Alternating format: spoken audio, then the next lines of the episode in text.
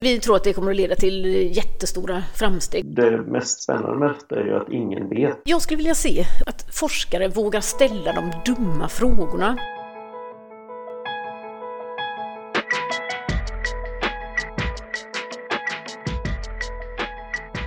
Det här är Hav och samhälle podcast från Göteborgs universitet. En podd om hav och samhälle och hur de påverkar varandra. Tänk dig att stiga ombord på en isbrytare och sätta kurs mot några av planetens mest svårtillgängliga områden och uppleva hur ett fartyg arbetar sig igenom enorma ismassor för att till slut ta sig fram till vidsträckta områden med isberg, flytande glaciärer. Ja, idag ska det handla om polarforskning och mer bestämt Antarktis. Vi ska få prata med några personer som sysslar med just detta inom Göteborgs universitet. Eh, vi sitter nu i Botanhuset, i Botaniska trädgården, där institutionen för marina vetenskaper håller till här vid Göteborgs universitet. Och med mig har jag Anna Wolin. Hej! Hej! Eh, ja, du är eh, forskare, oceanograf och har sysslat mycket just med forskning kring Antarktis och polarforskning. Ehm, hur kom du in på detta? Uh, hmm. Gud, det var, det var rätt länge sedan. Vilken bra fråga. Jag, jag, tror att det började egentligen när Polarforskningssekretariatet arrangerade expeditioner ner till Antarktis. Och då var det rum för svenska forskare ombord och då tyckte jag att det, det där får man väl ta chansen och hoppa på. Liksom. Innan det hade inte jag gjort särskilt mycket fältarbete i polarområden. Och då eh, ansökte vi om ett projekt och fick det och sen eh, blev det väldigt lyckat, det projektet, och så rullade det på. Jag tror det var så det startade. Just polarforskning är ju, känns lite så här mytomspunnet också. Att det, är liksom, det, har, det finns en lång tradition av polarexpeditioner. Det är väldigt, väldigt som sagt svårtillgängliga områden. Hur är detta att liksom syssla med ett sånt typ av område? Eh, det är fantastiskt spännande. Det är väldigt motiverande de, det här är ju områden då där det inte finns särskilt mycket mätningar och man, man kan faktiskt säga att man vet inte hur det ser ut och hur saker och ting håller på att förändra sig. Eh, så det är, därför är det väldigt viktig forskning. Så, det, och så är det då områden där det är stora klimatutslag. Eh, man kallar det för polar amplification. Då att de, de globala klimatförändringarna de blir mycket större i polarområdena. Så det är väldigt motiverande, men det är också väldigt hårt jobb. Det innebär långa resor och man är borta mycket hemifrån. Och om man har familj då så är det svårt att vara borta så lång tid från barnen. Och när man håller på med Antarktisforskning speciellt så är det väldigt ofta över jul som expeditionerna är.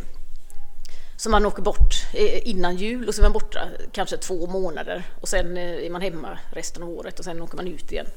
Så det är lite tufft. Mm.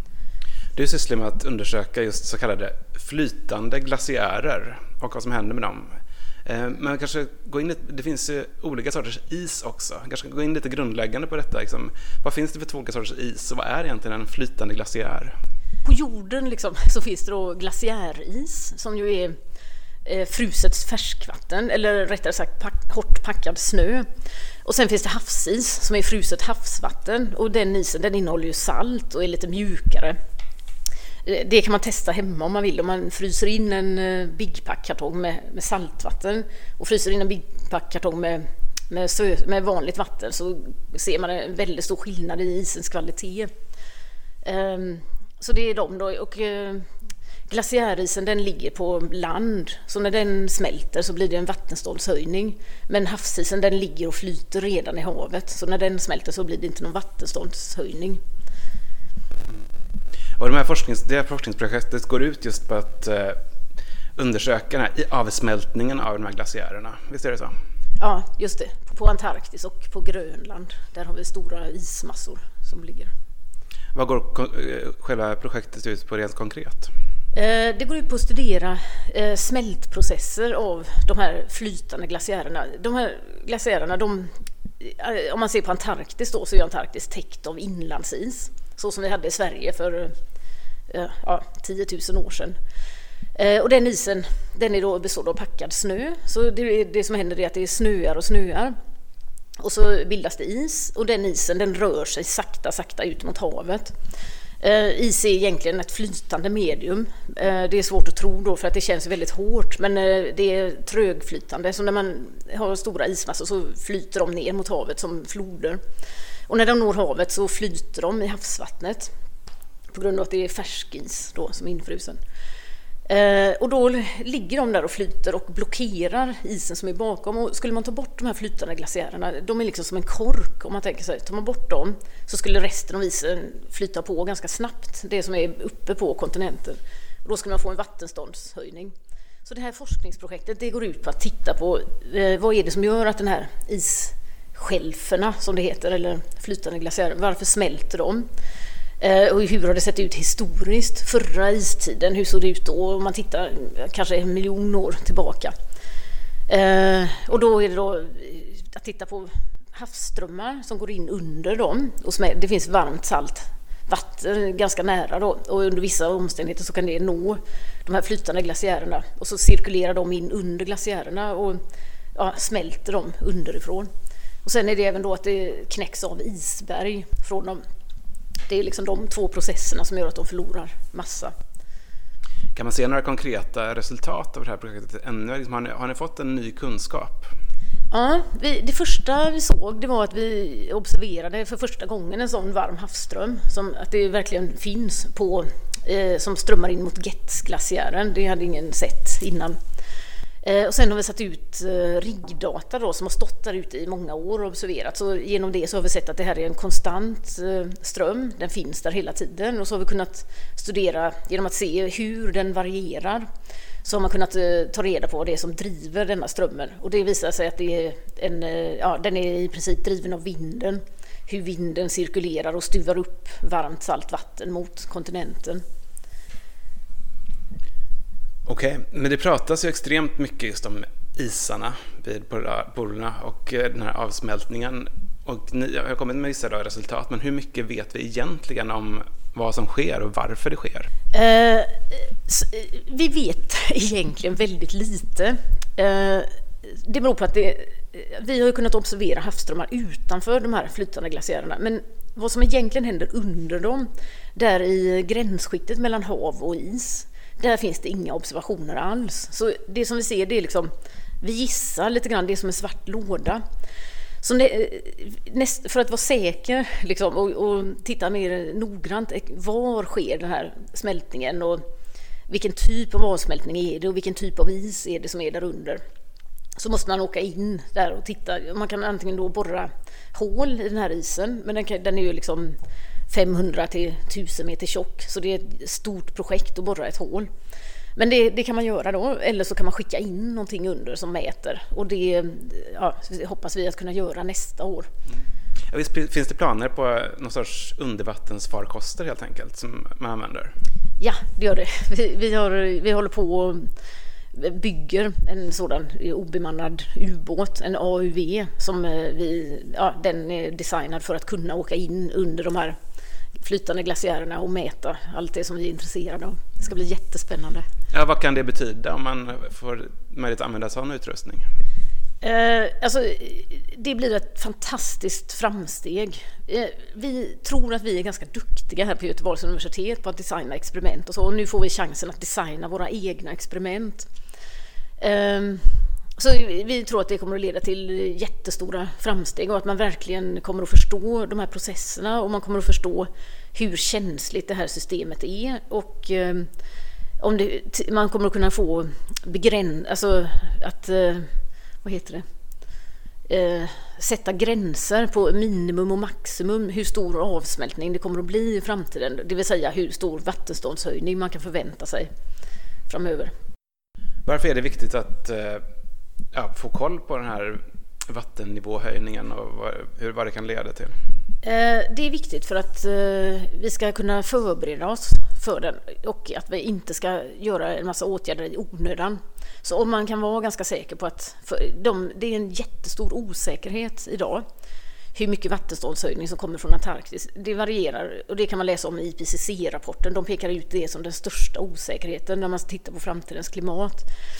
Eh, och det varierar alltså från att det är negativ massbalans till att det är 9 5 centimeter per år vattenståndshöjning. som kommer att ske i framtiden. Så det är ju en jättestor, om samhället ska förbereda sig för 5 centimeter per år vattenståndshöjning så kostar det väldigt mycket pengar. Så det är ja, mycket väl motiverat att ta en liten del av de pengarna och lägga på att faktiskt eh, studera vad som faktiskt kommer att ske. Eh, jag har också pratat med en annan av Göteborgs universitets forskare som sysslar med eh, forskning via Antarktis, Thomas Dahlgren. Han är faktiskt precis på väg ut på en forskningsexpedition till Antarktis just nu. Och hans projekt handlar om att studera djurlivet under sådana här flytande glaciärer som vi har pratat om. Och hur det djurlivet ser ut, bland annat genom att undersöka sedimenten där. Och eh, jag fick tag på Thomas Dahlgren eh, via Skype när han låg till hamn utanför Falklandsöarna. Och eh, så här berättade han om vad som hände just då. Ja, just nu så ligger vi vid en liten, liten brygga på södra delen av Falklandsöarna. Det är en militär oljehamn där vi har bunkrat 800 kubikmeter dieselolja. Så nu är tankarna helt proppfulla.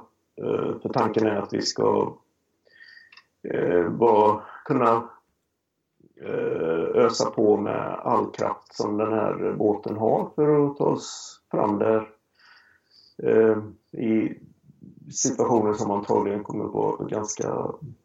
Där det kommer att vara mycket is helt enkelt. Ja, precis. Och ni är då på väg till ett område i Antarktis. Eh, vad är det här för ett speciellt område ni ska till? Ja, det är en... Eh, vi ska försöka ta oss innanför ett stort isberg som lossnade från den här Larsen C-isen.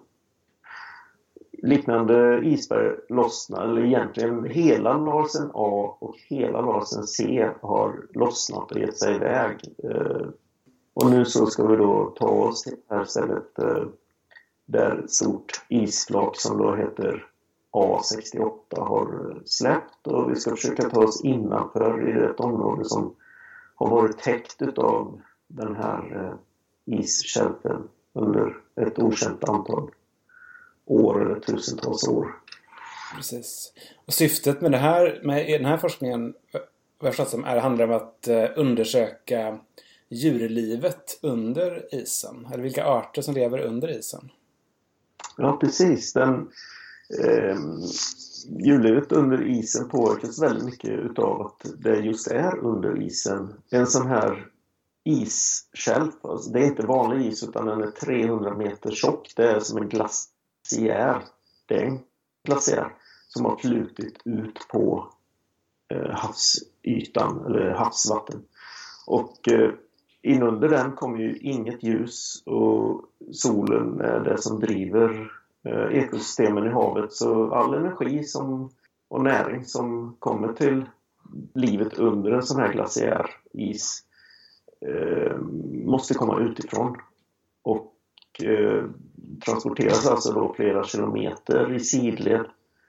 Vi hypotetiserar att eh, det här djurlivet är ganska likt det som finns i djuphavet. För där kommer ju också näringen väldigt långt bort ifrån, nämligen från ytan. Och det kan vara, det är då också flera kilometer ifrån eh, där djuren sitter. Men alltså eh, det mest spännande med detta är ju att ingen vet. Det, möjligheterna att studera djurlivet under en sån här shellfish är extremt små.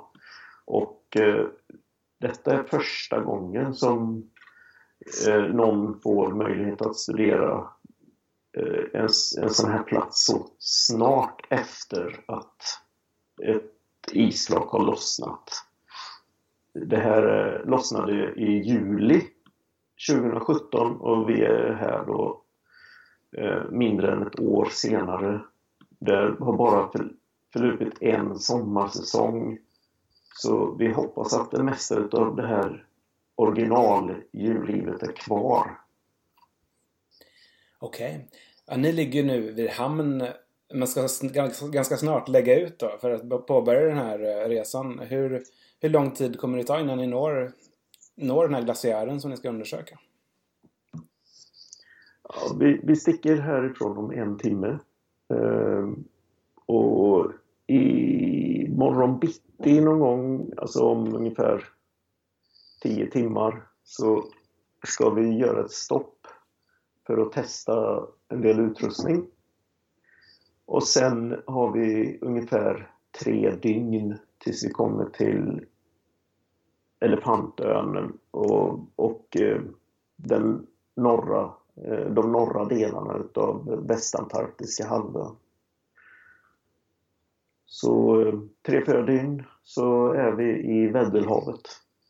Först så har vi en bit eh, att gå där i Väddellhavet där vi verkligen eh, får reda på hur issituationen är. Vi har ju en hel del information ifrån satellitdata men det är inte förrän man kommer fram till eh, isen som man vet hur genomtränglig eh, de är. Det, det är nästan inget öppet vatten alls där nere just nu.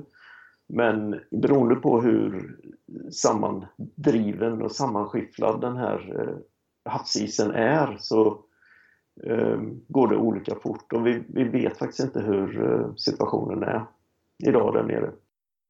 Ja, det var alltså Thomas Dahlgren som är precis på väg ut på en sån här eh, expedition. Eh, och Thomas Dahlgrens projekt handlar ju mer om att studera djurlivet under de här flytande glaciärerna. Men visst kan man koppla detta till den andra forskningen som handlar om just avsmältningen? Jajamän, och vi ska faktiskt eh, anställa en doktorand som ska titta just på den kopplingen. För att det, genom att studera djurlivet så kan man få reda på hur länge de här djuren har bott där och eh, om deras områden som de har bott på har krympt eller expanderat tidigare. Och man kan också få reda på om de har haft någon, något genetiskt utbyte med närliggande havsområden. Det vill säga om det har öppnats kanaler under isen. Till exempel till underissjöarna som finns eller till eh, den eh, nästa flytande glaciär som ligger bredvid så att säga. Så det är väldigt spännande genom att studera djurlivet titta på genetiken på djurlivet så kan man få reda på historia i eh, ja, tusentals år tillbaka i tiden. Det är jättespännande, det som Thomas gör. Och det är också en, en helt ny typ av kunskap, visst är det Ja, det är helt nytt. Det, det, ja, det kommer med DNA-tekniken, den moderna DNA-tekniken, som har kunnat göra så här. Jag pratade annars med just Thomas om eh, vilka tekniker man använder på sina expeditioner. Han menar ändå att det inte har förändrats jättemycket sedan eh, polarforskningsexpeditionerna började för mer än hundra år sedan. Rent själva hantverket ute vid fält. Ja, nej, det, det är helt rätt. Det är, det är lyfta och bära och, och kranar och, och bottenskrap, mycket. Men det är mer vad som händer när proverna kommer in till land. Det, den tekniken har ju ändrats mycket. Mm. Hur är det att vara ute på en sån här eh, expedition? Uh, ja, vad ska man säga? Det är, det är hårt arbete för, först och främst. Man jobbar väldigt hårt. Det, det är tunga lyft. Ehm, det är långa arbetsdagar och ibland eh, jobbar man ju man, man, måste utnyttja tiden när man är på plats i och med att det är så dyrt. Så man jobbar ju dygnet runt ibland. Vi försöker att undvika det och planera så att man kan sova emellan men det är inte alltid det går. Och forskningen går före allt annat. Eh, men det är också naturligtvis eh, väldigt eh, en fantastisk upplevelse att komma ut och få se de här miljöerna och vara där. Och det är en hisnande känsla att veta att man är ensam där ute när man är på en isbrytare, speciellt i Antarktis, så vet man att vi är den enda båten som är här på mil efter mil efter mils avstånd. Det finns inte några andra människor. Liksom, det är nästan en kontinent till nästa människor. Och det är ganska ja, märklig känsla. Man är väldigt... Eh, det är vi på denna båten just nu som är här tillsammans. Mm. Superspännande. Eh, du har berättat en del om vad som är på gång, att det nya projekt på gång med ny teknik. Men eh, vilken typ av forskning skulle du vilja se mer på det här området? Jag skulle vilja se, och det gäller all forskning egentligen, lite mera att forskare vågar ställa de dumma frågorna. De här frågorna som man inte riktigt Många tänker i bakhuvudet och är lite, lite osäkra. Hur är det egentligen med det? Och ingen vågar öppna munnen och säga dem. Då närmar man sig de fundamentala frågorna. Eh, och, och ta de stora greppen. Det är lätt som forskare att man eh, tittar i större och större och större detalj. och förfinar metoderna istället för att ta tio steg tillbaka och se på det ovanifrån. Jag skulle önska att det var, fanns det modet i större grad i forskarsamhället faktiskt. Det gäller all forskning. Vilken typ av sådana dumma frågor borde ställas här? Um, ja, en dum fråga kan ställa det. Vad är egentligen absolut, absolut max smälttakt av den här? Om man låtsas att man flyttade hela Antarktis till ekvatorn hur lång tid skulle det då ta för isen att smälta till exempel? Men någon större smältning kan man inte tänka sig. Vad får man då för siffra? Den typen av dumma frågor. Okej, vi får se om eh, det blir så. Mm. Stort tack för att du var med här, Anna Wåhlin, och eh, lycka till i det fortsatta arbetet. Tack så mycket. Jag heter Albin Dalin och lyssna gärna på oss nästa gång. Det hörs förhoppningsvis snart igen. Hej då! Du har lyssnat på Hav och samhälle podcast från Göteborgs universitet. Podden finns på iTunes, Soundcloud och vår hemsida havochsamhälle.ju.se.